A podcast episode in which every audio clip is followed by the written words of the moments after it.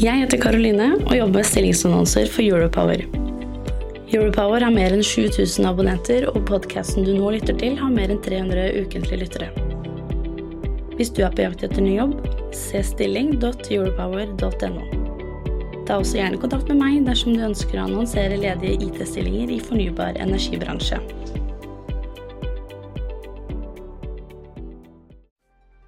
Du lytter til Energidebatten. Sendinga er produsert av Europower Partner og DNX i forbindelse med ONS 2022, i samarbeid med Shell.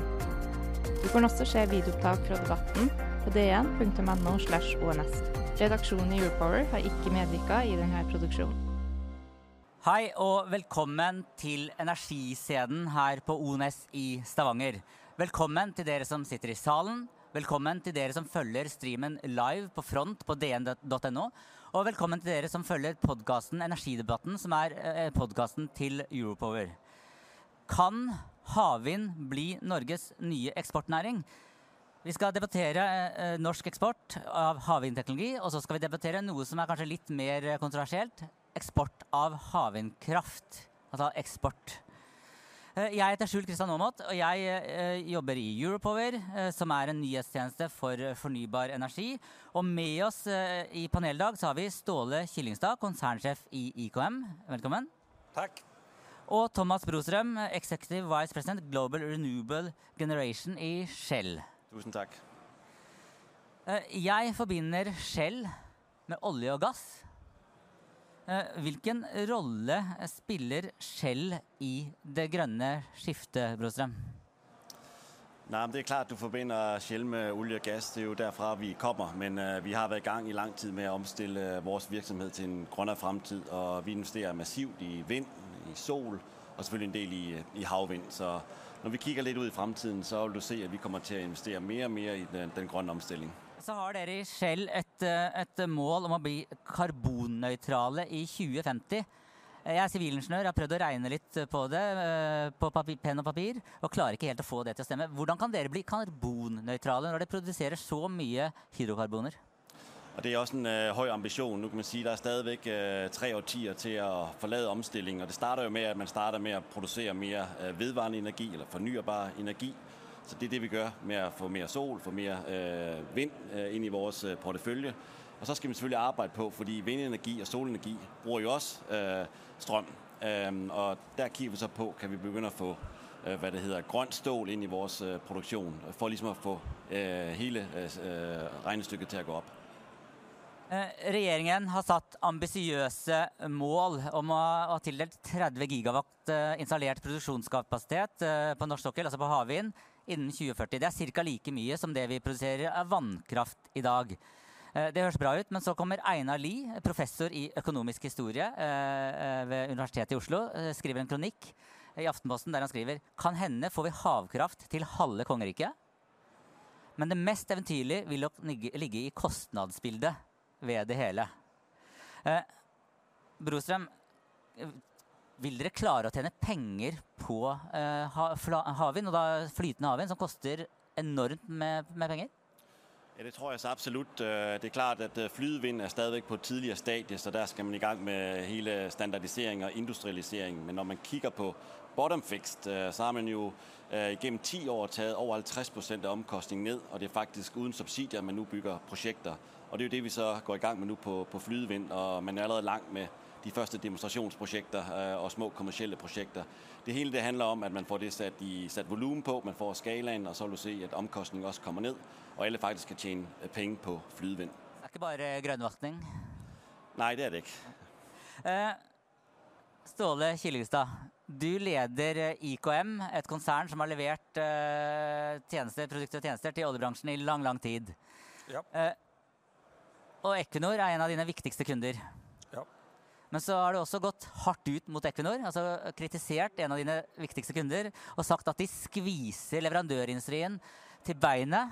Eh, at de drar ned eh, eh, prisene sånn at det er nesten umulig å tjene penger.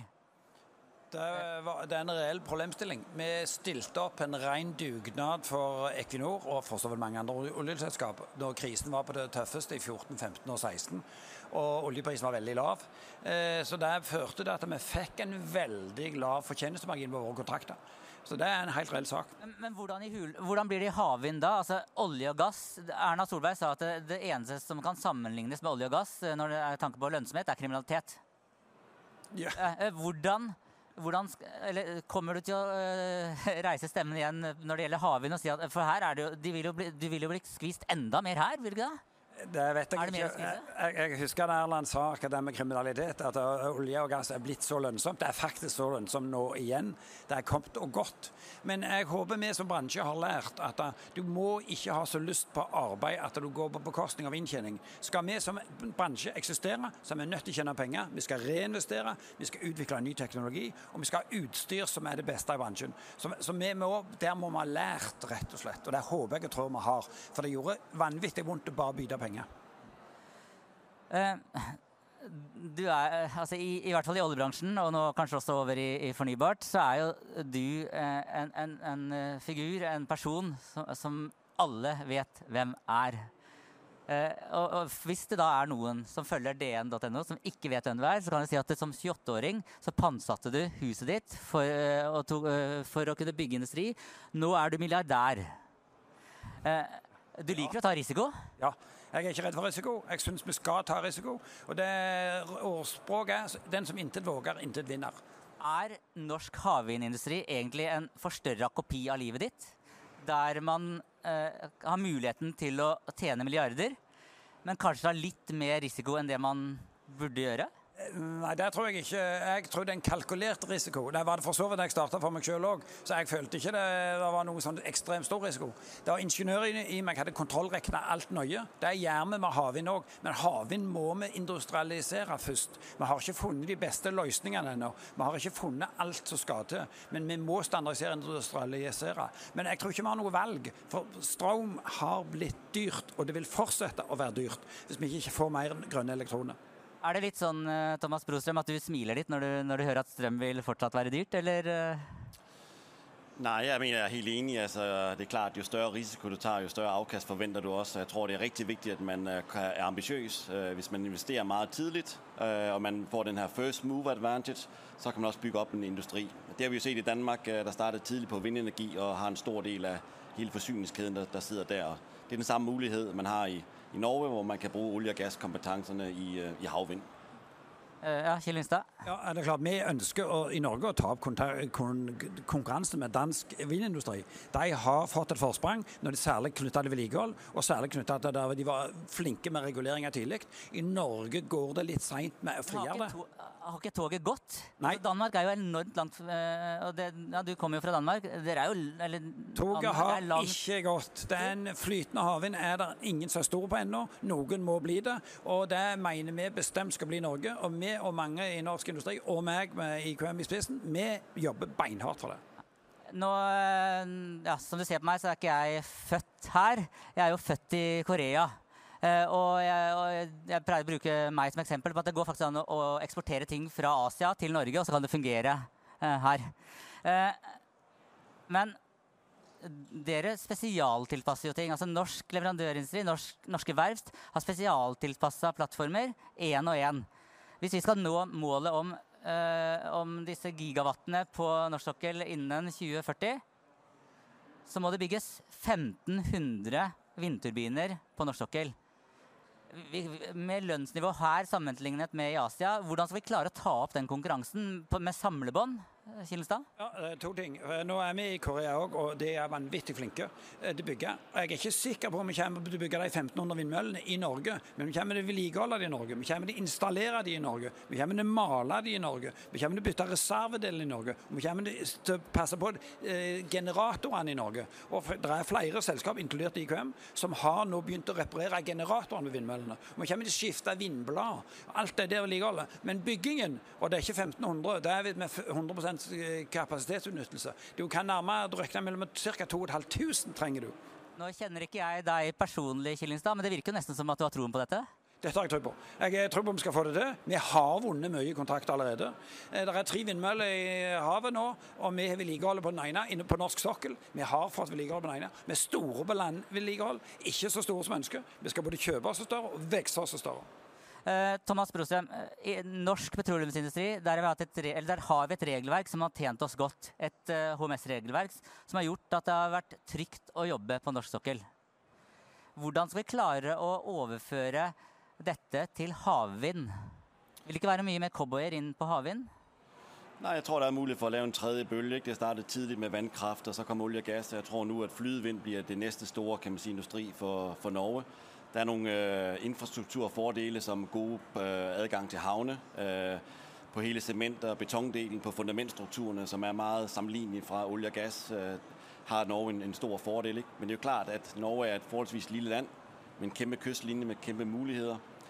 Det er nødt til at blive også et eksportgame, og der skal man selvfølgelig være konkurrencedygtig med for eksempel Korea. Lindstad? Du peker på et veldig viktig poeng der. Det er faktisk eh, For det første, punkt én, jeg tror vi får det til pga. at vi har lagt regelverk inn i noen TP til. Petroleumstilsynet skal også skyte vind og vindmøller. Men på land har dette vært et problem. Det har vært en helt annen sikkerhetskultur med bygging av en del land, skal vi si, vindmølleparker. Der det faktisk er vært en del ulykker og en del skjødesløse måter å arbeide på. Så det er et stort forbedringspotensial. Så det må vi ikke ta med oss fra landvind og ut til offshorevind. Så der, er det, der peker du på et veldig viktig poeng. Der tror jeg vi må jobbe beinhardt på og se etter. Men må vi, må vi, gjøre noe med regelverket også? For altså, det er jo, eh, I norsk petroleumsindustri så har vi jo risiko for store ulykker, altså store katastrofer. Det er vel ikke den type risiko på havvind, altså med store eksplosjoner øh, og den type ting? Nej, det, det er klart, du arbejder ikke på samme måde med øh, hydrokarbon så under pres, øh, og det, det er en anden måde, du arbejder med vind på, hvor det gælder om at lave repetition ret hurtigt, så du kan sige, der, du arbejder stadigvæk til havs, op i højder, så der er en risiko, men du har ikke eksplosjonsfare på samme måte som du har fra olje og gass. det er klart. Du har ikke, sorry, men du har ikke eksplosjonsfare, men du har strømfare. Altså overledning, du, store mengder spenninger som blir generert og samlet på disse, disse plattformer. Så det vil være en betydelig risikoeksponering òg via det, for strøm er òg farlig. I norsk eh, oljeindustri eh, så har vi gjort hverandre gode eh, gjennom konkurranse. Og så har vi klart å skape leverandørkjeder der sånne som IKM kan levere, til eh, Shell, levere, altså, så, så, har man fått, rett og slett eh, fått et samfunn der man tjener penger sammen. Og så har oljeselskapene gjerne løfta norske leverandører ut i verden. I, I, hvilken grad kan Shell være med å løfte norske leverandører ut i verden når det gjelder havvind? Det er jo klart, Shell er et globalt selskap, og vi bygger vindparker og havvindparker over hele verden. Så hvis vi har et godt forhold til en norsk leverandør og et suksess med en norsk leverandør i Norge, så kunne vi også ta dem med til Korea eller USA. Så det, det henger helt naturlig sammen. Eh, er Killingstad god nok til å konkurrere her? Vil han klare å vinne oppdrag? Ja. jeg er sikker på. Eh, la, oss, eh, la oss, prate litt om Sørlig Nordsjø 2 og Utsira Nord. Det er, så, det er, disse to feltene der det nå skal tildeles, tildeles lisenser.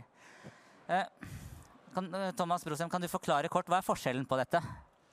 Ja, der er to forskellige. Den ene er mer bottom fixed, øh, så det er der, hvor du liksom har en forankring direkte ned i, i ja, søbunden. Og det andre det er så flyde. Det er den, du har opp længere mot, mot nord.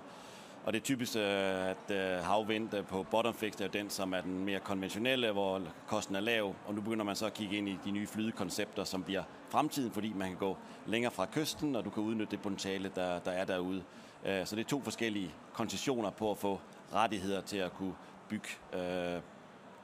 Hva, har Shell mest tro på? Øh, er det flytende havvind, eller er det bunnfast?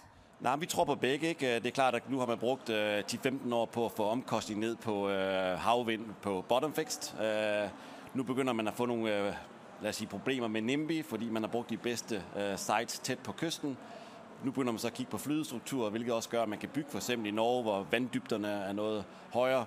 Det tror vi fuldt og fast på. Vi har købt et stort fransk øh, selskab, og vi bygger øh, projekter i, øh, i øh, Korea, i Frankrig og andre steder også på flydevind og Skotland. Illingstad? Jeg tror vi må ha begge deler. Verden trenger såpass mye grønn energi framover at vi må ikke utelukke noen ting. Så jeg er helt sikker på at vi kommer til å lykkes både på flytende havvind, men òg bunnfast havvind er veldig viktig. Og da har jeg lyst til å pirke litt i et lite konfliktområde nå. Eksport av strøm. Eh, både, både Sørlig Nordsjø 2 og Utsira Nord ble eh, radialkabel. altså Der fører vi strømmen inn til Norge.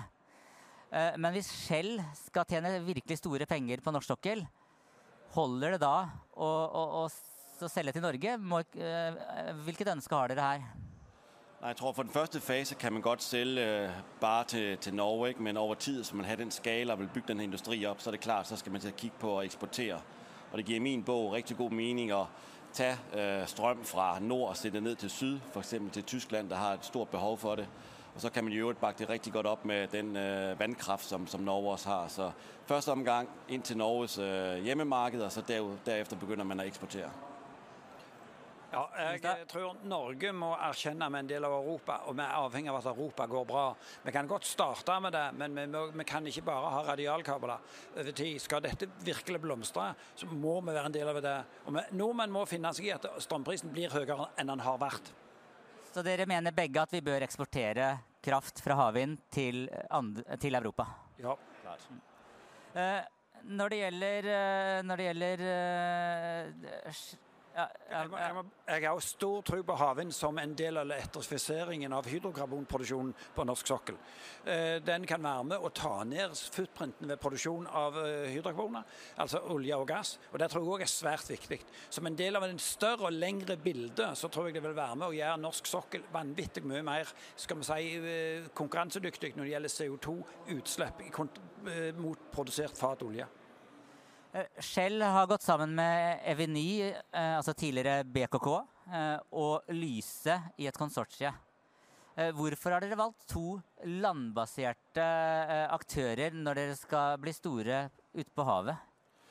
Nej, men der er mange ting, der også sker på land, blandt andet de stakeholders, man skal have fat i, og det er klart, at vi har behov for nogen, der kender kraftmarkedet i Norge øh, rigtig godt. Um, vi kommer med vores kompetencer på, på flydevind, og så har vi nogen, der har den lokale øh, ekspertise, også i forhold til, hvordan man øh, agerer i Norge. Så vi har en fantastisk konsortium, synes vi, med Lyse og Eveny nu.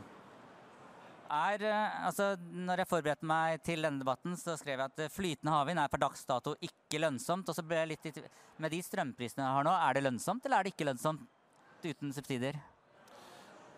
Med de priser, vi har nu, vil det nok være lønsomt, men øh, jeg tror også, øh, de fleste vil sige, at det er nok ikke noget, man kan regne med bliver ved. Ikke? Øh, så de, de piker lige nu, og så er det attraktivt lige nu. Det er jo ikke andet end to år siden, hvor de fleste folk snakkede om, at det kunne gå mod, mod nul, så man skal passe lidt på med at læse for meget ind i, de, i spotmarkederne. Killingstad? Nei, det er klart alt er lønnsomt med de prisene vi har nå. Så det, men, men, å dusje? Nei, ikke å dusje. Nei, det, det, er helt korrekt.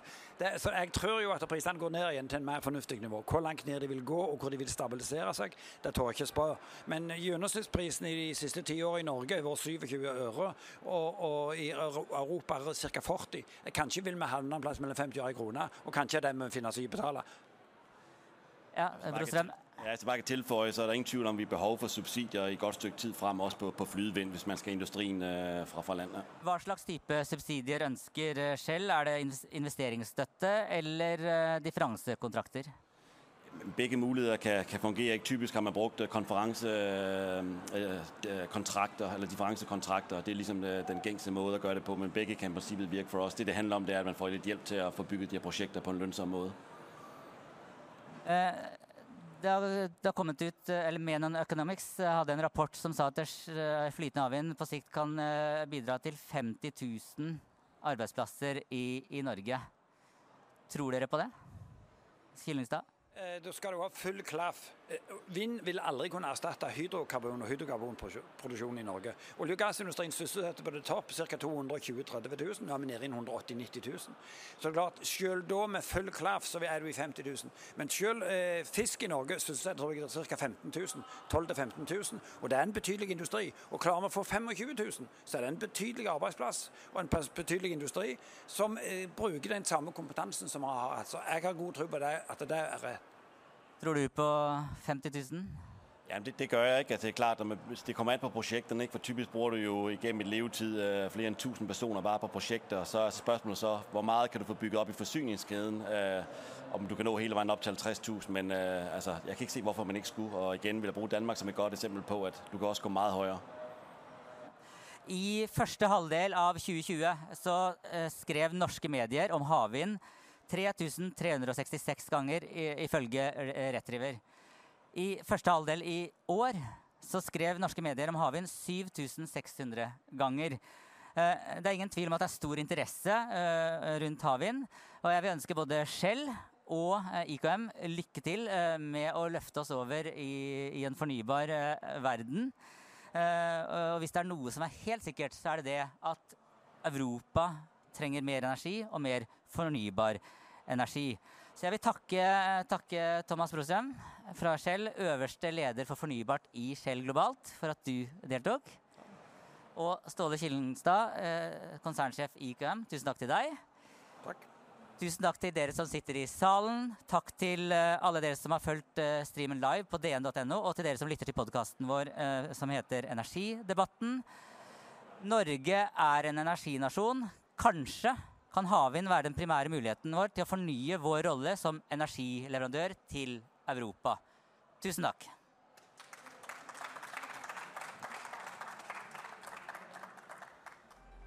Du lytter til Energidebatten Sendinga er produsert av Europower Partner og DNX i forbindelse med ONS 2022, i samarbeid med Shell. Du kan også se videoopptak fra debatten på dn.no. slash ONS. Redaksjonen i Europower har ikke medvirka i denne produksjonen. Jeg heter Karoline og jobber med stillingsannonser for Europower. Europower har mer enn 7000 abonnenter, og podkasten du nå lytter til, har mer enn 300 ukentlige lyttere. Hvis du er på jakt etter ny jobb, se stilling.europower.no. Ta også gjerne kontakt med meg dersom du ønsker å annonsere ledige IT-stillinger i fornybar energibransje.